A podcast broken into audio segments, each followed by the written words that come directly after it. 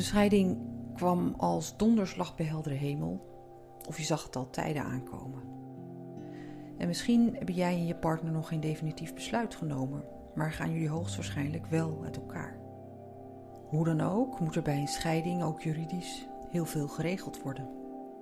Hoe zit dat precies? In deze podcastaflevering wordt je bijgepraat en geadviseerd door mediator en echtscheidingsadvocaat Edith van der Lokant Geschieren. Het gaat dit keer over de kinderen. Want wat betekent de scheiding voor hen?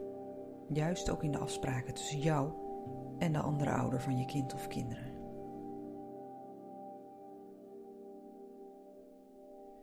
Welkom Edith. Welkom in je eigen podcast. Uh, jij zit hier als uh, echtscheidingsadvocaat, mediator. Ik praat met jou over een thema dat jij uh, ook heel bewust in een van je afleveringen, in deze aflevering, aan de orde wil stellen. Dat is de, de positie van kinderen als ouders uit elkaar gaan. Wat betekent dit uh, voor de kinderen? Uh, wij kennen elkaar al, al eventjes. je bent klant van mij, zou je kunnen zeggen. Ik heb in de tijd je website gemaakt, de teksten geschreven. En als voormalig journalist interview ik ook nog wel regelmatig. Um, Waar ik benieuwd naar ben, uh, Edith, dat is waarom wilde jij, en dat wilde je heel specifiek, graag een podcastaflevering maken over de kinderen? Dat was inderdaad een wens van mij. Je kunt je voorstellen dat scheiden voor kinderen heel veel betekent. In, zeker in een beginperiode brengt het voor hen natuurlijk heel veel onzekerheden met zich mee. Van ja, het betekent uh, voortaan verblijven in twee huizen. Uh, papa en mama houden niet meer van elkaar. Misschien een wisseling van school. Ja, je vader of je moeder toch wat minder zien dan wat je gewend bent. Um, en dat kan bij hen natuurlijk tot gevolg hebben dat ze uh, angstig zijn, boos zijn, misschien wat lastig in gedrag. Nou, uiteraard, ik ben jurist, dus op dat terrein uh, ja, waag ik mij niet. Daar zijn andere deskundigen voor. Maar het is uiteraard wel belangrijk om dat met ouders te bespreken.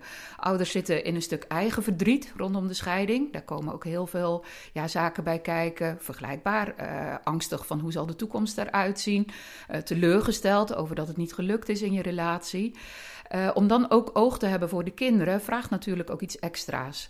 En uiteraard geldt voor ouders dat ze zich heel betrokken voelen bij hun kinderen en zich daar ook zorgen over maken van wat betekent het voor hen. Maar het is wel goed om met ouders te bespreken van ja luister, um, dit kan gebeuren. Heb oog voor wat het voor je kinderen betekent. En ja, wat eigenlijk een hele goede tip is om direct op het moment dat het duidelijk is voor jullie als partners dat je uit elkaar gaat, om dan een rustig moment als gezin te kiezen en met elkaar in gesprek te gaan. Uh, ik begrijp uit jouw woorden dat in de, ja, de hectiek, soms ook gewoon de echt een moeilijke situatie waar partners in zitten, dat het zomaar is dat ze misschien ja, geen, geen, geen, geen, geen aandacht, geen denkruimte, geen emotionele ruimte hebben voor uh, het feit dat ook kinderen echt heel duidelijk onderdeel zijn van een echtscheiding ja, we mogen misschien niet generaliseren, maar uiteraard, ja, ik, ik, heb een wat zakelijker kijk op het geheel. En voor mij is het dan wel heel logisch om met ouders te bespreken van ja, uh, let daarop, kijk ernaar. En uh, ja, daarin zijn eigenlijk twee dingen heel belangrijk. Ik heb er natuurlijk ook het nodige over gelezen de afgelopen jaren en ervaringen van andere ouders ook teruggehoord. Zeker op uh, lagere schoolleeftijd hebben kinderen vaak de neiging om te denken van ja, het ligt aan mij dat mijn ouders uit elkaar gaan. Was ik wat liever geweest, dan, uh, ja, dan waren ze niet gaan scheiden. En dat is natuurlijk heel belangrijk om dat met je kind te bespreken. En uh, ja, met hen heel duidelijk aan te geven van het feit dat papa en mama uit elkaar gaan, uh, betekent niet dat wij er voor jullie ook niet meer zijn. Van ehm, ja, we gaan als, eh, als partners uit elkaar, maar we blijven echt ouders voor jullie. En voor een kind is dat heel belangrijk om, om te weten. En ook die zekerheid te hebben van ook al wonen we niet meer op één adres, we zijn er altijd voor jullie. En in een volgende stap ook te ervaren van nou, als je bij de ene ouder bent, dan vindt de ander dat ook goed. En dat, dat hoef je niet eens zo uit te spreken, maar een kind pikt dat gewoon ook heel makkelijk op. En uh, voor ouders is het belangrijk om je te realiseren van ja, je kan als, als partners misschien boos zijn op elkaar, maar probeer de knop om te zetten uh, als ouders en er ook voor je kinderen gewoon echt te zijn. Je zegt het zelf al, hè? je bent uh, jurist, maar dit uh, horende zou je zeggen, nou, je zou ook een maatschappelijk werker uh, zou dit kunnen vertellen. En toch vind je dit als advocaat, als mediator heel belangrijk. Want draagt het bij aan een beter verloop van de, van de procedure? Of? Het, het draagt bij aan ik denk respectvol uit elkaar gaan. En ik denk dat er niemand is die zegt van nou, dat wil ik niet. Je wil eigenlijk trots zijn om over vijf jaar of over tien jaar te kunnen zeggen van nou, die scheidingsprocedure was heel akelig. Maar we zijn erin geslaagd om tot goede afspraken te komen en ook als ouders respectvol uit elkaar te gaan. En je blijft ouders, we zeiden het al. Er komt een diploma-uitreiking. Er komt een keuze maken van uh, naar welke uh, middelbare school ga je. Er komt misschien een huwelijk. Er komen kleinkinderen waar je ja, beide grootouders van bent. En als je dan in de fase van uit elkaar gaat, hebt geleerd of je daarvan bewust bent om uh, dat op een goede manier met elkaar te, te regelen, ja, dan heb je daar eigenlijk profijt van uh, de rest van, uh, van je leven. En uiteraard, ja, een kind kan niet kiezen. Een kind moet ook niet kiezen tussen een van beide ouders. Um, juridisch is het ook belangrijk. En... Ja, want laten we eens even naar de juridische kant gaan kijken. Als ouders heb je beide het ouderlijk gezag over je, over je kind. Maar dan komt er een scheiding uh, aan, je besluit om te gaan scheiden. Hoe zit dat met het ouderlijk gezag? Ja, klopt. Als je tijdens huwelijk het gezamenlijk ouderlijk gezag hebt, dan verandert een scheiding daar niets aan. Jaren geleden, en dat ja, ken je misschien uit, uit de volksmond, dan uh, was er nog sprake van een voogd en een toeziend voogd. Nou, gelukkig is dat allemaal niet meer. Ook de wetgever heeft als uitgangspunt dat ook na een scheiding blijf je gewoon ouder van, uh, van de kinderen. Vroeger werd een van de partners voogd of toeziend voogd. Klopt. Klopt. Vaak was dat de vader. In die tijd was het inderdaad zo dat vaak de moeder voogd werd over de kinderen en vader kreeg uh, de titel toeziend voogd. Nou ja, wat ik zei, dat is gelukkig uh, is allemaal niet meer zo. Je blijft gewoon volwaardig ouder. En dat betekent dat als je tijdens huwelijk samen het ouderlijk gezag uh, hebt, dan is dat ook na de scheiding zo. En in de scheidingspapieren vind je dan ook niks terug over het gezag. Waarom niet? Ja, het verandert niet. Het blijft zoals het is. En wat houdt dat zeg maar concreet in als je uh, uit elkaar bent, dus niet meer als ouders onder één dak woont samen met je kinderen? Op basis daarvan moet er nog wel het nodige ook geregeld worden en moeten er afspraken gemaakt worden. Zeker. En um, ja, ook dat is in de wet geregeld sinds een aantal jaren in de vorm van een ouderschapsplan. En dat betekent dat je dus echt als ouders, en dat kan met hulp van ieder eigen advocaat of met hulp van een mediator, gaat zitten en met elkaar gaat kijken wat is er belangrijk in het leven van onze kinderen en daar afspraken over maken. Nou, dat is het gezag daar verandert niks aan. Maar dat is daarnaast, waar wonen de kinderen? Wat wordt hun hoofdverblijf? Waar staan ze ingeschreven bij de gemeente? En hoe wordt de zorgregeling? Dus wanneer zijn de kinderen bij de ene ouder? Wanneer zijn ze bij de andere ouder? En tenslotte, en dat, is, dat moet ook echt geregeld zijn in een ouderschapsplan, is hoe zijn de kosten? Hoe worden die verdeeld tussen beide ouders? Die drie punten, dus hoofdverblijf, plaats, zorg en uh, de kosten van de kinderen, dat moet echt in een ouderschapsplan staan. Je kan het plan nog aanvullen met bijvoorbeeld uh, wie gaat er met ze naar de tandarts? Uh, hoe wordt de kapper geregeld? Echt een aantal praktische zaken. Dat is op zich niet in de wet geregeld als een verplichting, maar dat kan natuurlijk wel als je dat zelf ook prettig vindt. Duidelijke afspraken. Uiteindelijk moet dat plan door beide ouders getekend worden. En uh, dat is een stuk wat vervolgens naar de rechter gaat, wordt toegevoegd aan het scheidingsverzoek. Op het moment dat een rechter ziet dat er een scheiding wordt gevraagd waarbij er uh, kinderen zijn en er is geen getekend ouderschapsplan, uh, dan worden we uitgenodigd bij de rechtbank en wordt daar apart een zitting bepaald om te praten over de kinderen. Van waarom is het niet gelukt om tot een getekend plan te komen en wat moet er nog gebeuren, willen die handtekeningen wel gezet kunnen worden. Dus het is echt heel belangrijk vanuit de wetgever, vanuit de rechtbank, om tot een getekend ouderschapsplan te komen, anders gaat de scheiding niet door. Ja, en uh, voor de duidelijkheid, dus een ouderschapsplan bevat ook een zorgplan. Dat zijn wel twee afzonderlijke dingen. Dat is eigenlijk een component van het ouderschapsplan, het zorgplan. Klopt. En in het zorgplan staat het zorgplan is uh, wie zorgt er wanneer voor de kinderen. Dus um, hoe verdelen we de weekenden? Hoe verdelen we de doordeweekse dagen? Soms de woensdagmiddag als het kinderen zijn die vrij zijn. Wat doen we met feestdagen? Wat doen we met de eigen verjaardagen van de kinderen? En hoe regelen we de vakanties? En het is een onderdeel, dat klopt inderdaad Esther wat je zei. Het is een onderdeel van het ouderschapsplan. Maar wat moet er veel ge geregeld worden? Wat moet er over veel besloten worden? Ook, nou ja, het kan dus zelfs zo zijn dat je met elkaar in gesprek gaat over wie neemt uh, ons kind mee naar de kapper of naar de tandarts? Uiteraard is het zo ehm, ja, dat er veel geregeld moet worden. Gelukkig zien we dat ouders dat ook na een scheiding ook wel uh, gewoon samen oppakken. En dat degene die in de huwelijkse periode met ze naar de kapper ging, dat gewoon blijft doen na de scheiding. Aan de andere kant, en dat heb ik ook al wel meegemaakt, ja, kan het ook aanleiding geven tot een stukje miscommunicatie. En dat um, een van beiden, bijvoorbeeld om maar bij die kapper te blijven, met ze naar de kapper gaat. Op een moment dat de ander denkt: van ja, dat is nog helemaal niet nodig. En ik vond juist zo mooi dat onze dochter lang haar heeft en nu is het opeens kort geknipt. En dat kan dan een, een stukje miscommunicatie geven. Ja, wat voor de kinderen natuurlijk heel akelig is om te ervaren. Dus wat ik vaak doe um, als mediator, maar ook als advocaat, dat ik gewoon langsloop met de ouders. Wat is voor jullie nu belangrijk? Soms ook waar, uh, waar zitten risico's om uh, ja, miscommunicatie over te krijgen. Leg het met elkaar vast. Bespreek het met elkaar, zodat in elk geval de verwachtingen goed gemanaged zijn. Doe je er vervolgens niks meer mee omdat het wel vanzelf loopt? Uiteraard ook prima. Is het zo dat het eerder uitzondering is dan regel dat op deze kleinere details, bijvoorbeeld de kapper, er al in het ouderschapsplan afspraken over gemaakt worden? En het is wel grappig dat je dat vraagt. Um, ik heb uiteraard ja, vaste modellen waarmee ik werk in ouderschapsplan. En daar zijn die kleinere zaken, heb ik toch bewust opgenomen. En dat kan bijvoorbeeld ook zijn van, wat vinden we van tatoeages? Uh, een van de kinderen wil een piercing, hoe staan we daar tegenover? En voor mij is dat een punt om te zeggen van, nou, um, ik bespreek het... Stellen jullie vast van nou, dat is bij ons echt geen issue? Prima, hoeft het ook niet in het ouderschapsplan. Maar je hebt er even met elkaar over nagedacht. En uh, ja, dat vind ik als advocaat en ook als mediator toch echt wel een belangrijk uh, stukje ook in, uh, in mijn werk. Eigenlijk om ehm, ja, miscommunicatie te voorkomen. Dat is misschien bij jou ook voortschrijdend inzicht geweest? Dat het gewoon belangrijk is en, en handig is, zou je het ook kunnen noemen, om dat vast te leggen? Al denk je op dat moment als ouders, er komen we wel uit wie Marietje mee naar de kapper neemt, om dat toch uh, vast uh, te leggen? Het is zeker voortschrijdend inzicht. En dan, ik geloof nog meer in de zin van, het is bespreekbaar. Um, er mag over gesproken worden. En op het moment dat zich zoiets voordoet, dat ouders zich ook realiseren van, oh ja, daar hebben we het eerder over gehad. En um, laten we het gewoon even samen afstemmen. En laat ik er niet zomaar van uitgaan dat zoals ik het nu wil oppakken, dat dat wel goed is. Um, dus voor mij uit is het inderdaad op basis van ervaring. En ik hoop ouders mee te geven uh, van ja, je hebt toch iets meer communicatie met elkaar nodig, omdat je niet meer onder één dak leeft.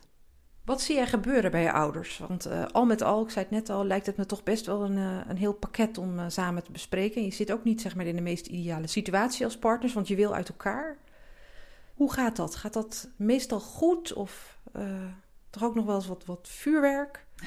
Er kunnen uiteraard strubbelingen zich voordoen. Aan de andere kant, ieder gunt natuurlijk zijn kind het beste. Dus um, er is een gemeenschappelijk belang om het voor de kinderen goed te willen regelen.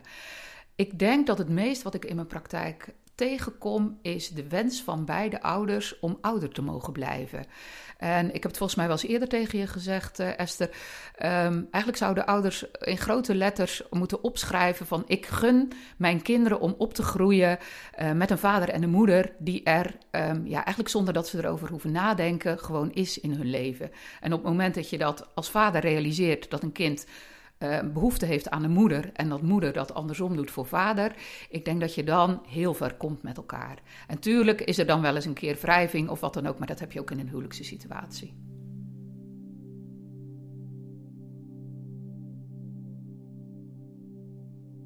Edith, ik weet dat jij het een rot woord vindt en het er eigenlijk liever ook gewoon niet over hebt. Niet om uh, je kop in het zand te steken, maar dat zijn de vechtscheidingen. Um, je hoort er natuurlijk nog wel eens over. Zelfs van overheidswegen worden er soms initiatieven genomen om dat te voorkomen. Maar waar komt toch die ja, lichte aversie uh, tegen dit woord vandaan bij jou als uh, advocaat en mediator? Je kent me goed, Esther. het is inderdaad een, uh, een, een, term die ik heel vervelend vind. Um, Ja, waar komt de aversie vandaan? Ik, ik, ik zou eigenlijk heel graag willen dat het, dat het verschijnsel niet meer bestond. En ehm, ik, ik, probeer daar zelf een, een, soort missie van te maken. Dat ik roep van ja, dat doen we vandaag de dag niet meer op deze manier. We gaan niet vechtend, rollenbollend over straat. We hebben daar inmiddels uh, van geleerd dat dat voor niemand goed is. Hè? Van ook ja, degene die het conflict opzoekt of die het overkomt, die heeft daar een hele vervelende tijd door. Dus wat, wat brengt het mensen? Ehm, en ik, ik, ik, hoop dat als we met elkaar maar steeds zeggen van dat is niet de manier waarop we uh, ja, anno de 2020 problemen met elkaar oplossen. Um, hoop ik dat mensen zich realiseren van ja, in een huwelijkse situatie kom je ook problemen tegen. En die los je dan ook niet al vechtend met elkaar op en jarenlange procedures. Wat brengt het mensen? Um, en ik hoop dat daarmee mensen zich bewust worden van het feit uh, dat er alternatieven zijn dat je ook deskundige hulp daarbij kunt zoeken. En dat kan inderdaad een stukje zijn vanuit uh, psychologische achtergrond, maar ook juridisch gezien. Nou, bijvoorbeeld via mediation. Of ja, bijvoorbeeld ook met ieder gewoon een eigen advocaat. En daar met die eigen advocaat door te spreken van, nou ja, wat maakt me nou zo boos? Uh, ja, waarom dreigt het een conflict te worden waar ik niet meer uitkom? En daarin ook ja, je best te blijven doen om, uh, om daaruit te komen. Is niet het belangrijkste, de belangrijkste reden dat het soms wel uit kan lopen op die vechtscheiding, dat uh, ook scheiden gewoon een groot emotioneel proces is waar boosheid, teleurstelling, afscheid, verdriet, gewoon in een soort cocktail je ook in de greep kan krijgen. Uiteraard. En dat mag er ook zijn. Je kan, uh, ja, het is natuurlijk niet goed om te zeggen van nou, al die emoties die uh, parkeer, die zet hij naast je neer. En uh, we gaan vervolgens kijken wat er zakelijk allemaal geregeld moet worden. Ik denk dat mijn missie meer is, blijf daar niet in hangen. Want ja, het verpest ook je eigen leven. En dat is denk ik het, het meest belangrijke. Van de emoties mogen er zijn, uh, maar de, ja, de tijd moet wel wat gaan doen. En uh, dat kan soms best lastig zijn voor mensen om dat zelf op te pakken. Zoek daar een stukje hulp in. Dat is ook iets wat je je cliënten adviseert, waar je ze, zou je kunnen zeggen, tussen aanhalingstekens, bij begeleidt als dat zou kunnen. Mijn begeleiding beperkt zich uiteraard tot de juridische uh, tak van sport. Uh, uh, ik kan uiteraard wel signaleren van ik merk dat je, ja, dat je, dat je heel verbitterd raakt, dat het ehm, heel veel met je doet en dat het voor jouzelf heel hard werken is om hier uit te komen. Ja, waarom pijnig je jezelf zo? Zoek daarin wat hulp, waardoor je er ook makkelijker door dat proces heen komt. Ja, en door mijn jarenlange ervaring als advocaat kan ik mensen ook aangeven dat dat best, best kan helpen. Oké, mooi. Genoeg hierover dan uh, voor nu, Edith. voor die vechtscheiding. Want we gaan even naar, een, uh, de, toch, naar de, de, de zorgregeling. Zorgregeling wordt opgenomen. Uh, je vertelde daar eerder in de podcastaflevering al over in het ouderschapsplan. Um, en jij hebt ook wel een heel duidelijke visie op wat een goede zorgregeling is. Hè? Wat is een goede zorgregeling? Ja, als ik het in grote lijnen aangeef. Je kunt je voorstellen op het moment dat er een, een zorgregeling dient te komen met een babytje van een paar weken. Dat zo'n regeling er anders uitziet dan wanneer we het hebben over kinderen op basisschoolleeftijd en puberleeftijd. Bij hele jonge kinderen is het belangrijk dat ze heel regelmatig en dan uh, misschien wat kortere periodes met beide ouders contact hebben om zo ook een goede hechting tot stand te brengen. En een zorgregeling uh, met, een, uh, ja, met een baby kan dan dus zijn van nou één keer om de dag een paar uurtjes contact met papa en mama. in, in de weekenden daar ook echt een aantal uren. Um, op het moment dat we het hebben over basisschoolkinderen, ja, dan kan zo'n regeling natuurlijk heel onrustig zijn. Van een paar uur bij de een, een paar uur bij de ander. En wat we daarin zien, is dat we dan vaak kijken naar uh, de weekenden om en om. Dus op het moment dat de kinderen vrij zijn, niet naar school gaan, dat ze het ene weekend bij de ene ouder zijn, het andere weekend bij uh, de andere ouder. Um, daarin kunnen natuurlijk soms ook hele praktische dingen een rol spelen. Van ja, beide ouders werken mogelijk. Uh, daaromheen bouwend de zorgregeling. En dat je ook kijkt op woensdagmiddag, wanneer de kinderen vrij zijn. Van nou, wat zijn er dan aan mogelijkheden?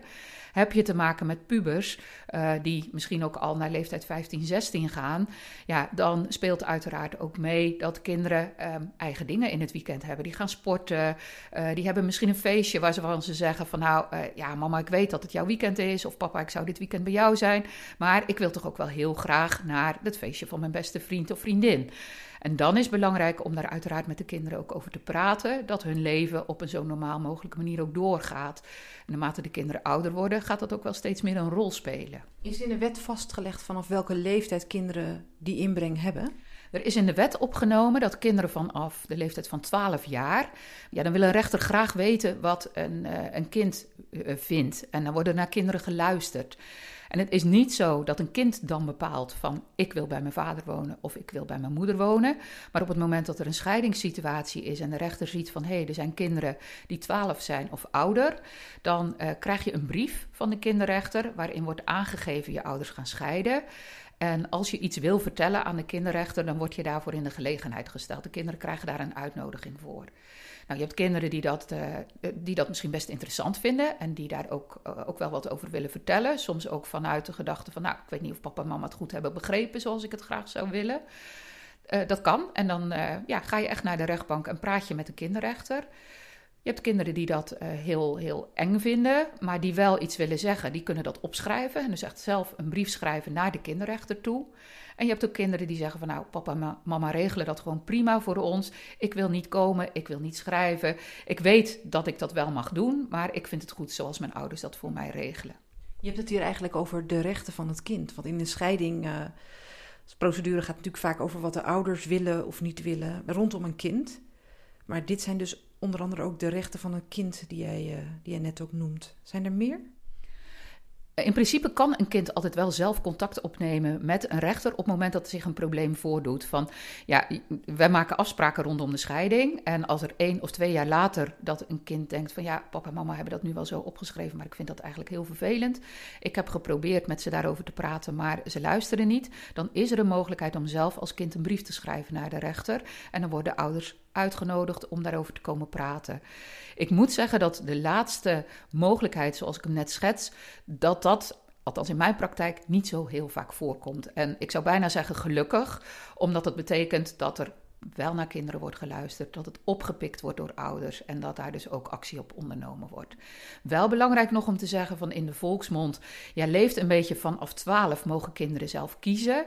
Nou, kinderen van 12 zijn natuurlijk toch ook nog steeds kinderen die het heel prettig vinden dat ouders verantwoordelijkheid nemen als ouders en uh, ja, voor hen ook blijven zorgen. Dus er wordt geluisterd naar wat de kinderen ervan vinden, maar er wordt ook wel gekeken wat is nu het meest in belang van de kinderen. Wat jij vertelt nu, en nog meer dan dat, dat uh, kun je ook vinden op jouw website www.meestervanderlokkant.nl. Uh, jij schreef af en toe blogs en ook een blog naar aanleiding van deze podcast. Dus dan kunnen luisteraars het allemaal nog eens rustig nalezen. Trouwens, het linkje naar jouw website vind je ook in de show notes onder deze aflevering. Nog één um, wat meer feitelijke vraag en dan gaan we toe naar een afsluiting. Um, je hoort heel veel over co-ouderschap. Dus dat ouders kiezen voor co-ouderschap. Dus ieder de helft, zou je kunnen zeggen. Klopt dat? Dat dat steeds meer gebruikelijk wordt, dat ouders daarvoor kiezen? Ja, hele goede vraag, Esther. Het is wel grappig, je hoort het inderdaad in de wandelgangen veel meer. Terwijl in de wet komt het niet voor. De term co-ouderschap vind je in de wet niet terug. Er wordt gedoeld op inderdaad een 50-50 verdeling van de kinderen zijn. En dan is het ja, soms week op, week af bij ieder van beide ouders. Het is inderdaad wel dat we dat steeds meer zien. Um, en ja, het kan natuurlijk heel prettig zijn hè, van, uh, vanuit de kinderen. Van, nou, er is echt een 50-50 verdeling, de contacten met de ouders. Um, kan vanuit de kinderen fijn zijn en vanuit de ouders ook. Van ja, je hebt echt de gezamenlijke zorg. En ik denk ook wel, van, ja, ik heb daar zelf ook wel eens over nagedacht van waarom komt dat nu ook veel meer voor. Um, ja, we hadden het net over uh, de, de tijd uh, jaren geleden waarin de moeder de voogd was over de kinderen en de vader de toeziend voogd. Ja, inmiddels zien we dat toch wel heel anders. Kinderen hebben twee ouders en het is echt niet zo dat de moeders de zorg hebben en dat uh, de vaders de kinderen dan ook nog een paar uurtjes mogen zien. Er wordt echt gezamenlijk voor de kinderen gezorgd. En vanuit die situatie is het denk ik vandaag de dag ook een logische stap om een 50-50 verdeling ten aanzien van de zorg uh, te realiseren voor de kinderen. Het moet natuurlijk ook kunnen rondom werk, uh, rondom ja, waar woont ieder, hoe intensief is school voor de kinderen. Dat zijn allemaal wel dingen die meespelen. Maar in mijn praktijk is het, ja, komt het veel meer voor dan een aantal jaren geleden. Ja. Dankjewel uh, Edith voor uh, wat je vertelt over ja, zaken die spelen rondom de zorg voor kinderen als je uit elkaar gaat als uh, partners. Um, in een volgende podcast aflevering gaan we in op ehm, wat scheiden betekent voor je portemonnee. En er komen onder andere ook partner- en kinderalimentatie in aan bod. Ehm, maar voor nu uh, heel hartelijk bedankt. Dankjewel voor het gesprek, Esther.